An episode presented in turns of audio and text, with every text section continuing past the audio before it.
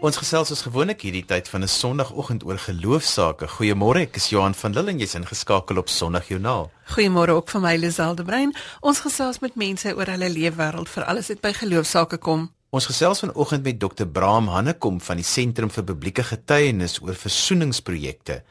En ons praat ook met professor Erwan Swela van die Skool vir Publieke Leierskap verbonde aan die Stellenbosch Universiteit oor wat versoening beteken. Dane Du Plessis kom kuier by ons in die ateljee om te gesels oor sy werk by Kaapstad Hawe en laasens gesels ons ook met Lindy Strydom oor hoe om jou geloof te leef.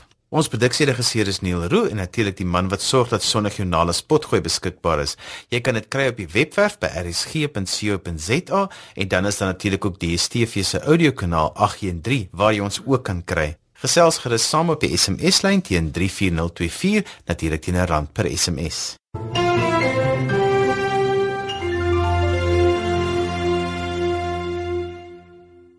Hier by ons in die ateljee is Dr. Bram Hannekom van die Sentrum vir Publieke Getuienis en ons gesels oor versoening vanoggend. Môre Dr. Hannekom.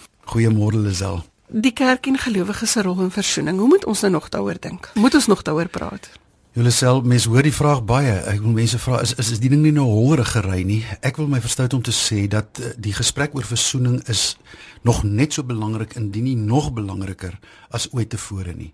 Dit is so as 'n mens rondbeweeg in die land en jy kom in 'n verskeidenheid van gemeenskappe, dan hoor mens twee slegte refreine die laaste tyd. En die een is dat 'n nuwe geslag, klomp jong mense uit 'n verskeidenheid van gemeenskappe sê, maar die versoening waaroor almal gepraat het na 1994 was 'n goedkoop versoening. Dit was nie diep genoeg nie. Hulle voel uitverkoop en daar selfs uh, uh, uh, veral swart jong mense wat sê dat Nelson Mandela het hulle uitverkoop. En wie is hierdie Madiba waar van waarvan hulle praat? Hulle sien dit nie, hulle voel dit nie. Hulle dit voel vir hulle asof daar 'n vliegtyg vertrek het en hulle het agtergebly.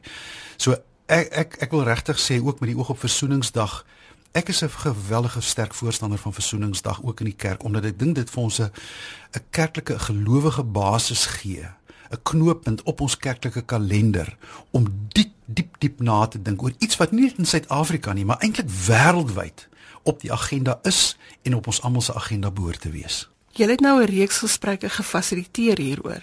Ja, alsel ons het vir jaar 10 dialoog sessies gefasiliteer in verskillende streke, verskillende kontekste, klein plattelandse dorpe, stedelike dorpe, maar ook in in in konferensiesentrums waar ons mense uit verskeidenheid van gemeenskappe bymekaar uh, gebring het om oor uh, rasisme, heling en versoening te praat. Ons het ook uh, nou gewerk saam met die die Freedom Park uh, beweging. Ek was self betrokke by 'n uh, byeenkoms op Calvinia uh wat dit vir my goed was om te sien hoe jy op, in 'n plattelandse konteks oor hierdie dinge praat. Maar nou wil ek ook dadelik waarsku mense wat dink, jy weet jy storm net in en dis maklik. Ek wil weer sê ons onderskat die onverwerkte emosies wat steeds leef in die harte van wit mense, bruin mense en swart mense. En die bietjie as jy begin krap, kan ek net nog iets sê. Jy weet bitterheid is iets wat ons almal moet verwerk. Nelson Mandela het gesê, jy weet bitterheid is die gif wat jy self drink in die hoop dat iemand anders gaan sterf. Nou as 'n gelowige moet jy deur bitterheid werk. Die probleem is as jy dit verwerk het en, en iemand kom trap op daai rou seer weer, dan word die bitterheid twee keer so seer. En my vrees is dat dit oor en oor in ons gemeenskappe gebeur. Ek bedoel wit mense kry weer seer, bruin mense kry seer, swart mense kry seer. En veral swart gemeenskappe wat deur hierdie verguising van apartheid gegaan het, as as klein wat sommige mense as onbenullig beskou, as sulke insidente weer gebeur, dan maak dit die seer nog groter en dis amper soos 'n vulkaan wat wat uitbars. Ek is ongelooflik positief oor Suid-Afrika. Ek ek sê dit nie sommer uh, as goedkoop motiveringspraatjie nie. Ek dink ons lewe in een van die wonderlikste lande in die wêreld met die wonderlikste mense en ek sou lank kan neem hoekom ek dit sê. Ek dink daar's baie hoop ongeag wat rondom ons gebeur. Maar ons moet die bil by die horings pak en hierdie saak moet ons mee mee mee werk. Is praat nog die antwoord? Dis 'n goeie vraag Lisel. Weet jy, ek gaan vir jou baie eerlik sê, ek is met 'n verskeidenheid van aktiwiteite besig ek ek het 'n nuwe disipel van dialoog geword. En ek het dit gesien, ek het dit in België gesien vroeër verjaar met 'n konferensie oor ekstremisme. Ek het dit uh, in Amerika gesien, ek het dit hier by ons gesien. Die die dialoog, dialoog, dialoog. Maak nie saak wat op die tafel, maak nie saak wat die kwessie nie, wat nie saak nie wat die uitdaging is nie. Jy los dit nie op deur of op 'n afstand vir mekaar staan en skree of in die koerante sleg briewe te skryf of jou eie mening oor die ander te vorm sonder dat jy met die ander gepraat het nie, maar dis werklik in diepte dialoog en nou gaan ek nog 'n sinnetjie byvoeg in veilige ruimtes waar mense nie bedreig voel of voel dat hulle verguis gaan word as hulle enige iets sê uit hulle hart uit in so ruimte nie dis binne daardie ruimtes waar daar werklike versoening kom En ek wil uh, uh, ook dit sê as ons as ons kyk na die wêreld uh, en en wat in die wêreld rondom ons gebeur. Dink ek Suid-Afrika is in 'n unieke posisie dat uh, uh wanneer as ons hierdie proses reg ernstig gaan vat en vorentoe gaan vat, kan ons wêreldleiers word uh op hierdie gebied. Ons moenie daarvan terugduins nie en my gebede vir die kerk en die kerk in Suid-Afrika is dat ons ook in die nuwe jaar beginnende by versoeningsdag hierdie saak sal vat en regtig leiding daaraan sal gee. Mag ek net 'n laaste pleidooi maak oor versoeningsdag. Mense sit met hier in hulle agterkop, ja, dis eintlik gelofte dag. Ek dink ons moet dit uit ons kop uit kry. Ek verstaan dat daar 'n groepering van mense is wat ernstig is oor gelofte dag. Ek gaan nie daarmee karring en krap nie.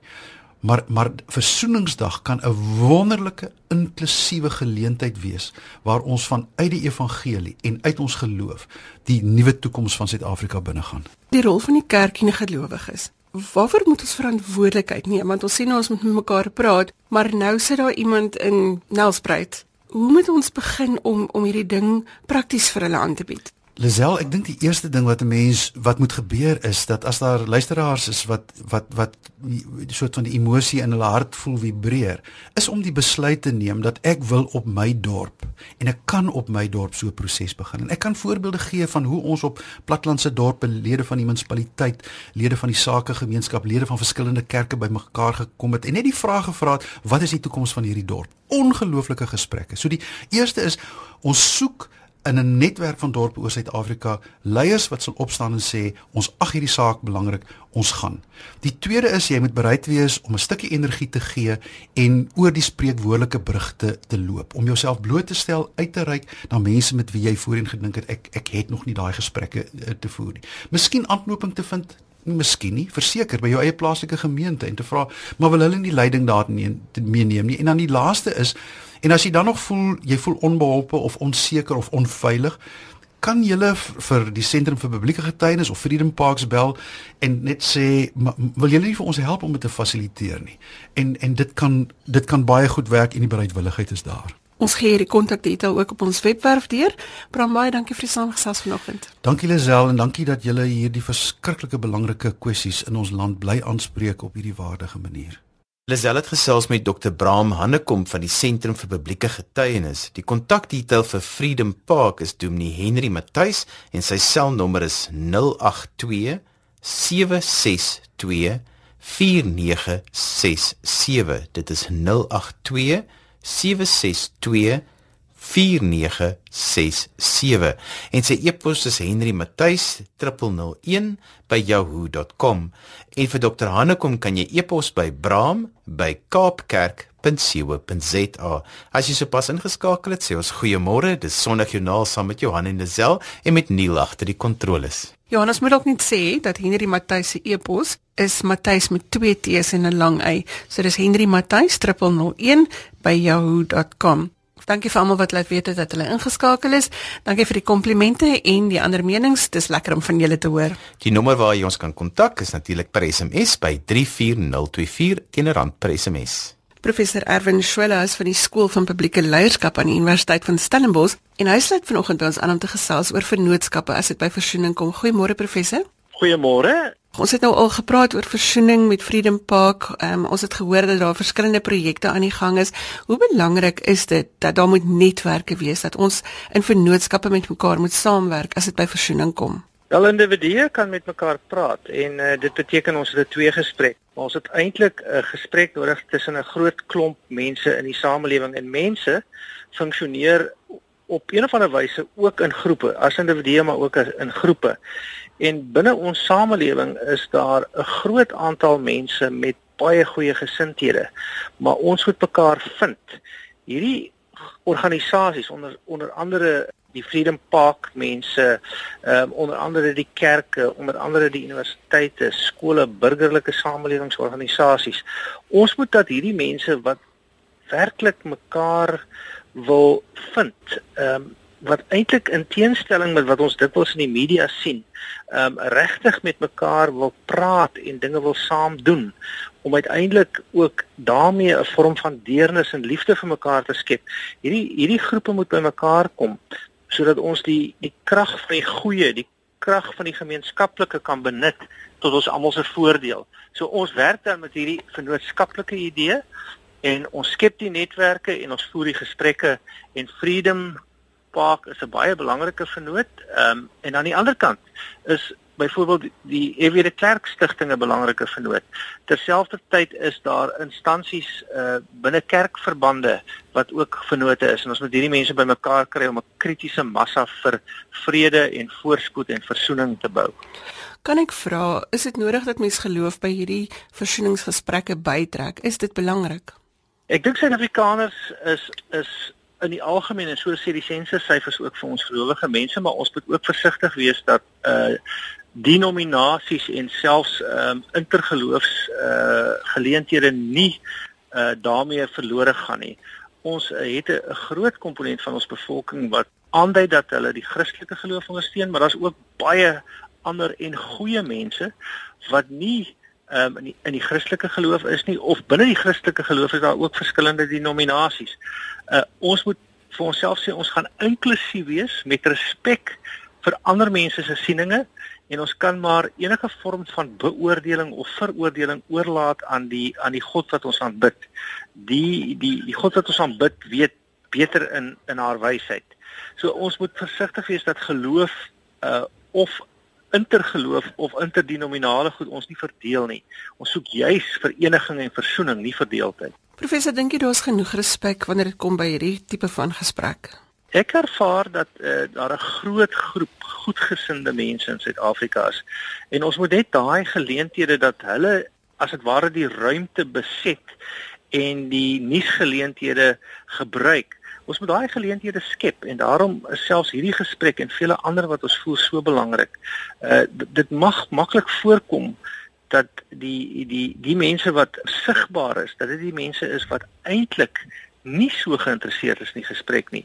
So ons het 'n verpligting van watter geloofs-oortuiging ons ook al is en van watter denominasie dat ons daai ruimte vul dat ons die in 'n sekere sin die goeie kan propageer en die meerderheid Suid-Afrikaners wil graag die goeie propageer. Daarvan is ek vas oortuig. Vir die gewone man op straat, hoe raak hy betrokke by so 'n gesprek en in ons geval vir ons programdoeleindes spesifiek gelowiges? By die universiteit het ek eh, 'n uh, groep mense uh, wat wat bymekaar kom. Ons glo in 'n in 'n soort uh kom ons noem dit maar vir die oomblik 'n uh, bemarkingslyn waar ons sê dat gesprekke verander die geleenthede. Gesprekke skep nuwe geleenthede. In Engels praat ons van conversations change conditions. En ons skep dus gespreksgeleenthede binne die universiteitsgeleerders. Ons skep ons wil eintlik 'n groter gespreksgeleentheid en en en ek kyk na 'n klompie vennote daarvoor skep uh, binne die samelewing. Terselfdertyd het ons 'n baie interessante projek, ehm um, want 'n mens moet nie net praat nie, moet doen ook. Ehm um, en die geleentheid is wat ons noem ons willekeurige weldade willekeurige weldaade is vir ons 'n mooi vertaling van die Engelse random acts of kindness. Nou dis nie willekeurig in die sin dat jy dit doen of nie doen nie, jy doen dit, maar jy doen dit willekeurig aan enige iemand wat oor jou pad kom vir wie jy iets kan beteken. So ons het op hierdie stadium eh, gebruik ons media dekking en ons wil eintlik kyk of ons nie met 'n groot radiostasie kan kombineer om te sê as elkeen van ons en almal wat ver oggend na hierdie program luister, as elkeen van daardie mense vandag gaan en een willekeurige weldaad aan iemand anders doen, dan het ons elke dag tiene en nie honderde duisende weldade wat ons aan mekaar doen nie. En dan weet gelowige mense is geneig om te sê maar ons doen ons weldade op die agtergrond. Ons is nie daar um, om te spog nie. Ons doen dit uh, omdat ons gelowig is. Maar ons sal ook moet geleenthede skep waar mense die weldade wat hulle doen met mekaar kan deel en dan 'n gesprek vir hom sê dis wat ek gedoen het, dis wat jy ook kan doen, soos by mekaar kan leer. Uh, dis nogal moeilik vir gelowige mense omdat ons weet dat ons dit eintlik doen nie omdat ons daarvoor eer wil kry nie, maar omdat ons dink dit is belangrik uit ons geloofs-oortuigings. Maar die willekeurige weldade projek is 'n projek wat eintlik doen en deur dade ook gesprek skep. Want dan knoop jy 'n gesprek aan met die uh, met die persoon wat jy gehelp het. Net 'n voorbeeld. Ehm um, ek kom by 'n by 'n stalletjie waar 'n boerewors ehm um, rolls verkoop word Daar staan 'n man, hy is al heeldag in die son. Hy het 'n uh, sak met uh, loodgietersgereedskap, maar hy het nou nie vandag werk gekry nie. Ek koop vir my 'n boereworsrol en ek besluit ek gaan vir die man ook 'n boereworsrol koop. En daar's soveel dankbaarheid. Ehm um, en en ons het onmiddellik 'n gesprek en hy sê hy wil graag werk, maar vandag het hy nie werk, maar môre, môre gaan hy dalk werk kry.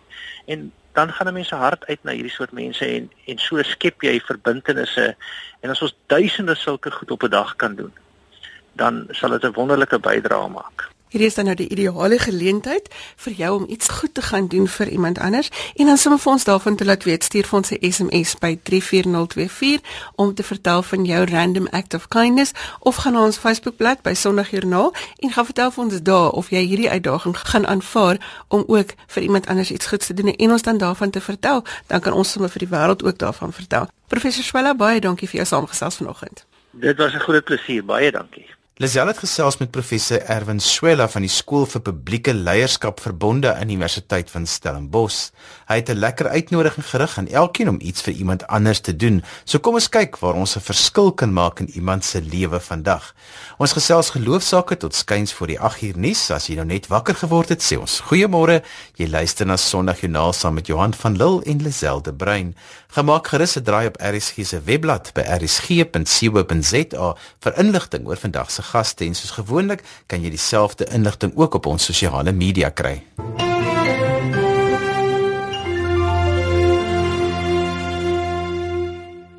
Lenny Strydom kuier gereeld op Sondae in ons sitkamers. Dis haar werk en vanoggend gesels ons juis 'n bietjie oor hoe om jou geloof te leef. Goeiemôre Lindy. Hallo Lisel, lekker om met jou te kuier. Lenny, jy was nie altyd in 'n omgewing waar geloof eerste gestaan het nie. Nee, ek dink die CP wêreld, uh interessant genoeg is nogal 'n spieelbeeld vir die samelewing. Baie mense kritiseer maar en sê, "Jog, dis goddelose waardes." Maar op die einde is dit 'n baie effektiewe manier om vir mense te wys wat gaan eintlik aan in ons gemeenskap. Hoe hoe werk ons huwelike en hoe materialisties is mense ingestel en daai ego wat wil walke oorvat. Maar ehm um, ek dink of 'n mens nou op 'n CP platform is en of jy 'n juffrou in 'n klaskamer is of jy gemeenskapsorganisasie projekte organiseer, ek dink dit het my geleer dat ons almal voltyds in bediening en ons het almal 'n sekere plek van invloed waarheen die Here ons stuur om te gaan beïnvloed. En en dis 'n intentionaliteit wat dit vra as sprustyd en elke dag opstaan om te sê Here, maak nie saak watter epos of watter projek ek vandag aanpak nie. Ek is daar om my lig te laat skyn. En ja, soms as dit 'n omgewing is wat nie so positief ingestel is vir die goeie nuus van Jesus Christus nie, dan is jy so bietjie self skerper en wakkerder as 'n omgewing waar jy dink ag ons almal dink dieselfde en ons almal glo dieselfde. Ehm um, so ek dink dit het my geleer om in klein dingetjies verhouding te bou en en inspraak te verdien want jy het dit nie noodwendig van selfsprekend nie. Mense moet voel hulle vertrou jou en en jy loop nie met die Bybel onder die kielibak reg om hulle disnis te slaan met een of ander Bybelversie nie. Jy gee regtig vir hulle om en jy jy stel belang en jy leef in verhouding met hulle elke dag en ek dink die omgewing waar ons gewerk het het nogal daai verhouding bou moontlik gemaak. Ons het in die in die oggend se bymekaar gekom en dan enigiets van die politiek tot die Saterdag rugby deurgepraat en en daar kon 'n ou regtig wat jou hart van volle so so sommer net spontaan by jou mond laat oorborrel dat mense jou van nader leer ken en hoe jy hoe jy dink oor die lewe en hoe jy dink oor geloof.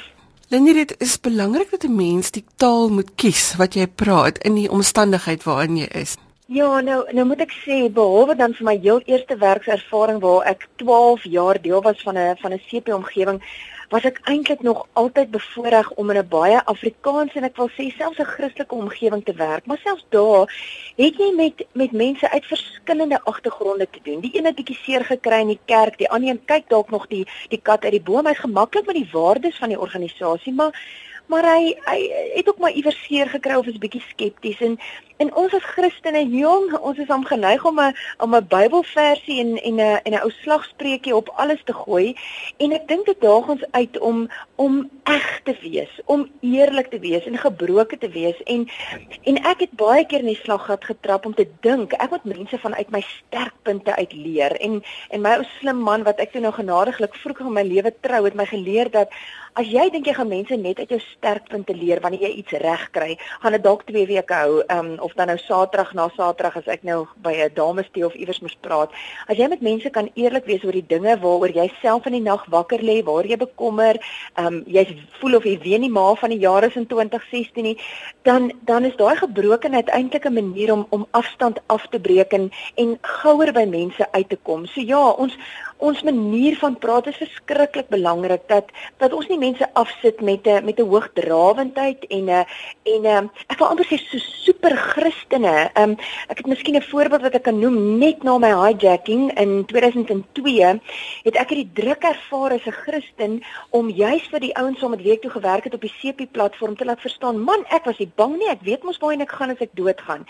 En dit was 'n onnatuurlike manier om dit te hanteer. Wat beteken dit ek het eintlik 6 maande langer gevat om gesond te word omdat ek nie eerlik kon wees oor ek is bang en as ek nou by die verkeerslig kom dan kyk ek verkoop hy een koerant of is dit regtig 'n pak koerante en daai daai swart sakke en en hangers wat hy is dit regtig waar hy besig is of wil hy nie dalk ook my my kar gryp en en my in in my in my hijack nie so ons hoef nie so onnatuurlik met mekaar om te gaan nie. Ek dink baie die afgelope tyd aan daai eerste gemeentes, noem dit geloofsfamilies, geloofsgemeenskappe wat om 'n tafel oor 'n koppie koffie met mekaar gekuier het en die lewe gedeel het, alles, hulle besittings gedeel het, maar ook hulle gebrokenheid gedeel het.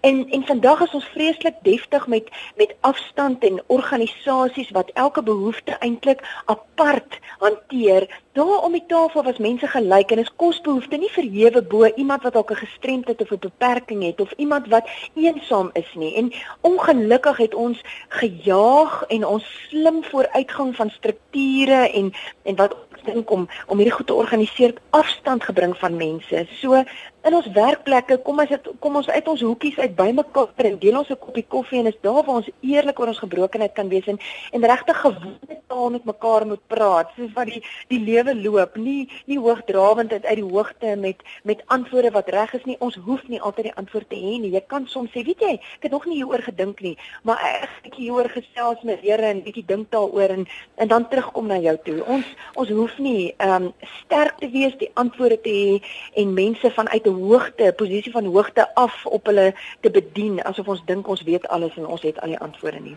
Jy sê 'n belangrike ding want ek dink dit bepaal ook die integriteit en hoe mense jou sien is as jy kan erken dat dit by my ook moeilik gaan.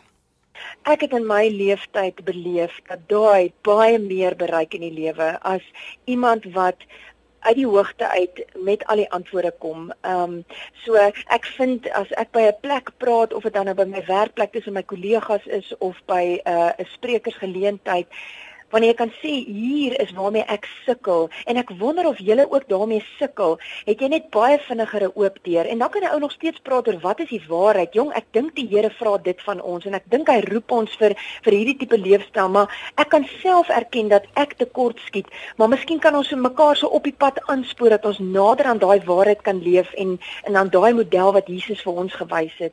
So ja, ons ons ons erken die gebrokenheid en die tekort, maar ons spoor ook mekaar aan om te sê Ek dink nog steeds dis reg en waar en kom ons streef na dit en kyk of ons dit saam dalk beter kan regkry. Lenie baie dankie vir die saamgesels vanoggend. Dankie dat jy vir ons gehelp het om ook te kan fokus op hoe ons teenoor mekaar optree. Lekker. Kom ons hou dit prakties en eenvoudig. En so gesels Lindy Strydom, jy's ingeskakel op RSG 100 tot 104 FM in die program is Sondagjoernaal. Dane Du Plessis is van die hawe bediening in Kaapstad en hy sluit vanoggend by ons aan om van sy werk te vertel. Goeiemôre Dane. Goeiemôre Lisel, is lekker om jou te wees. Nou alhoewel sy van Du Plessis is, het hy Engels groot geword, so hy gaan die res van die gesprek met ons in Engels doen net sodat dit kan vlot. Dan jy werk hoofsaaklik met vissermanne uit die buiteland. Yes, um I work with fishermen that come into our harbor. Most of the fishermen at Cape Town Harbor are international fishermen. So that is um Indonesians and Chinese and uh, Filipinos and Taiwanese. Um, so I'll work with those guys and um, the human trafficking issue of of that. So presies hoe werk dit? Het jy 'n kantoor by die hawe en hulle kom na jou toe of reik jy uit na hulle toe gaan jy aan boord van die skepe? Hoe kom hulle by jou uit? We actually have a fantastic fantastic place. It's called the Seamen's Club. Um, we all seafarers can come in their downtime. You must remember they they six weeks at a time, sometimes months at a time at sea. So the, when they come to, to our shores, the first thing they want to do is they they want to go off the boat and um, to the Siemens Club where they can get Facebook or shoot some pool or, or whatever.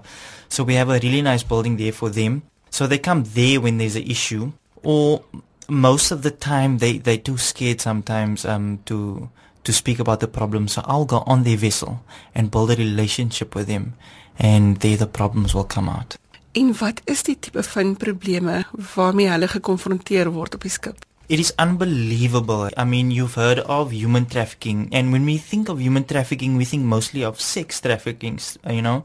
But there's human trafficking in the fishing industry. And what I've learned in my time in Manila is that the fishing industry is ran by the Taiwanese mafia. So they employ these young boys and what they do is because work is so scarce there, um, they will tell them, would you like to earn in dollars? You know, would you like to travel the world? And I mean, to them, that sounds unbelievable, you know? So they take the opportunity and they get a contract. But what happens is that contract gets double booked. And, um, when they come to our shores and they say, look here, I'm, I, I signed to work for nine hours, but I'm working 18 hours. Sometimes I'm working 38 hours. I didn't sign that contract. Then the agent will say, no, but here's a contract. And then they'll say, no, but I never signed it. It was signed on behalf of them. And that's when human trafficking has been, has, has taken place. So some of them in, end up working 38 hours. Some of them die on board from being overworked. Some of them, um, they don't get paid for two years. I mean, imagine not getting paid for two years. I mean, and what can you do when you're on sea? There's nothing that you can do. So my work is focused on them. And this happens on a monthly basis in Cape Town. On a monthly basis. Die belangrike ding is dat jy geleer het hoe om hulle kultuur te verstaan. Ja. Jy het na die Filippyne toe Ja. gegaan om al hierdie goed te gaan Ja. leer. I, I just want to tell you an interesting story in the Philippines. We were 60 people from um, 20 different nations, right? And they said, okay, we're all going to say a prayer in our own languages. So obviously ours was Afrikaans, you know? And then there was English and Spanish and all the other languages. So I said, no problem, I'll do it. And um, there was I thought it was just for 60 of us. And the next day we went to a convention center and there was 4,000 people that I had to say a prayer in Afrikaans for. But I knew, I knew no one knew anything. So it was okay. But yeah, and what we learned there was the Filipino nature and their culture. And the way they work is that they will do anything for their families. So I'll always ask a Filipino if they've been abused on board. I'll ask them, or will you go back again? You know, we're sending you home now. Will you go back again? And he will say yes. And the reason they say yes is because they need to provide for their families. And that is the top priority for the Filipino is to provide for their families. So the Indonesians will say, no, I'm not going back. But the Filipino people will say no. They will even accept abuse on board. Because if they tell one of us, tell me, or tell the ITF or IOM, they're scared that when they go back, um, they won't get work again. Um, so they'll rather endure the abuse, which is absolutely sad. Dien, wat 'n verskil maak geloof dan nou in hierdie mense se lewe? Um, you know, I I take my cue from Matthew 25, you know, and Jesus says he will he will separate the sheep from the goats. And on what basis will he se- separate the sheep from the goats? He says that the righteous will come to him and they will say that um or he will say rather to the unrighteous, when I was hungry, uh, you never gave me something to eat.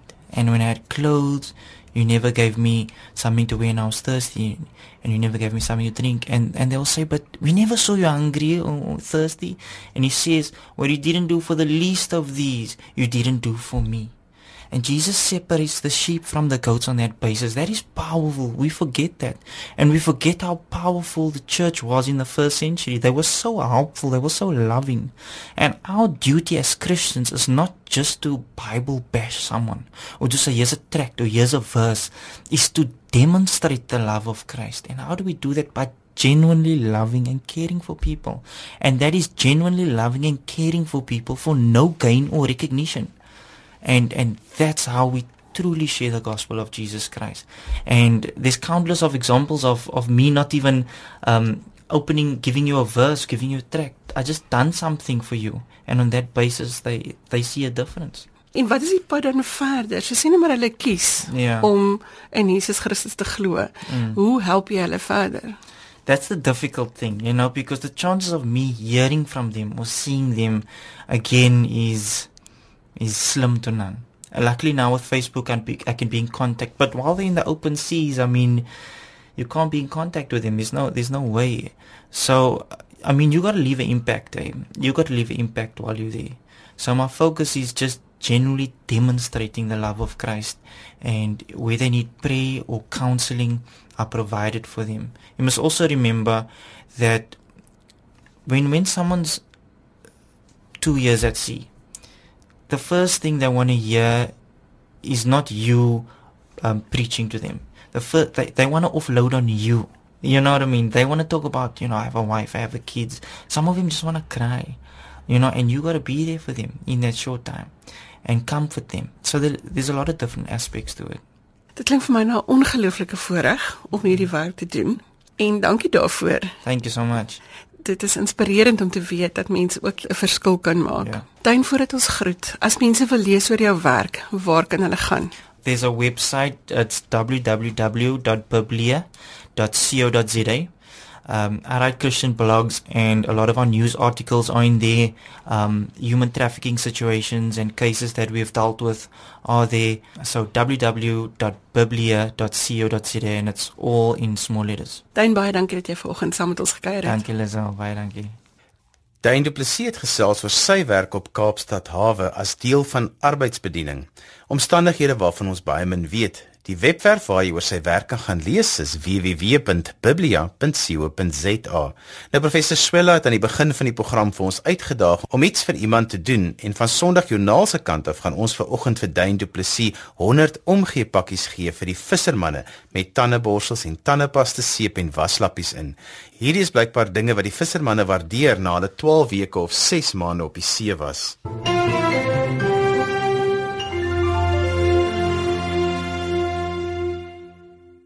Bons in die ateljee is Dr. Magiel Strauss en hy is hier om vanoggend vir ons te inspireer. Goeiemôre Dr. Strauss. Môre Lisel. Ons gesels vanoggend 'n bietjie oor die lig op ons pad. Hoekom het ons hierdie lig nodig?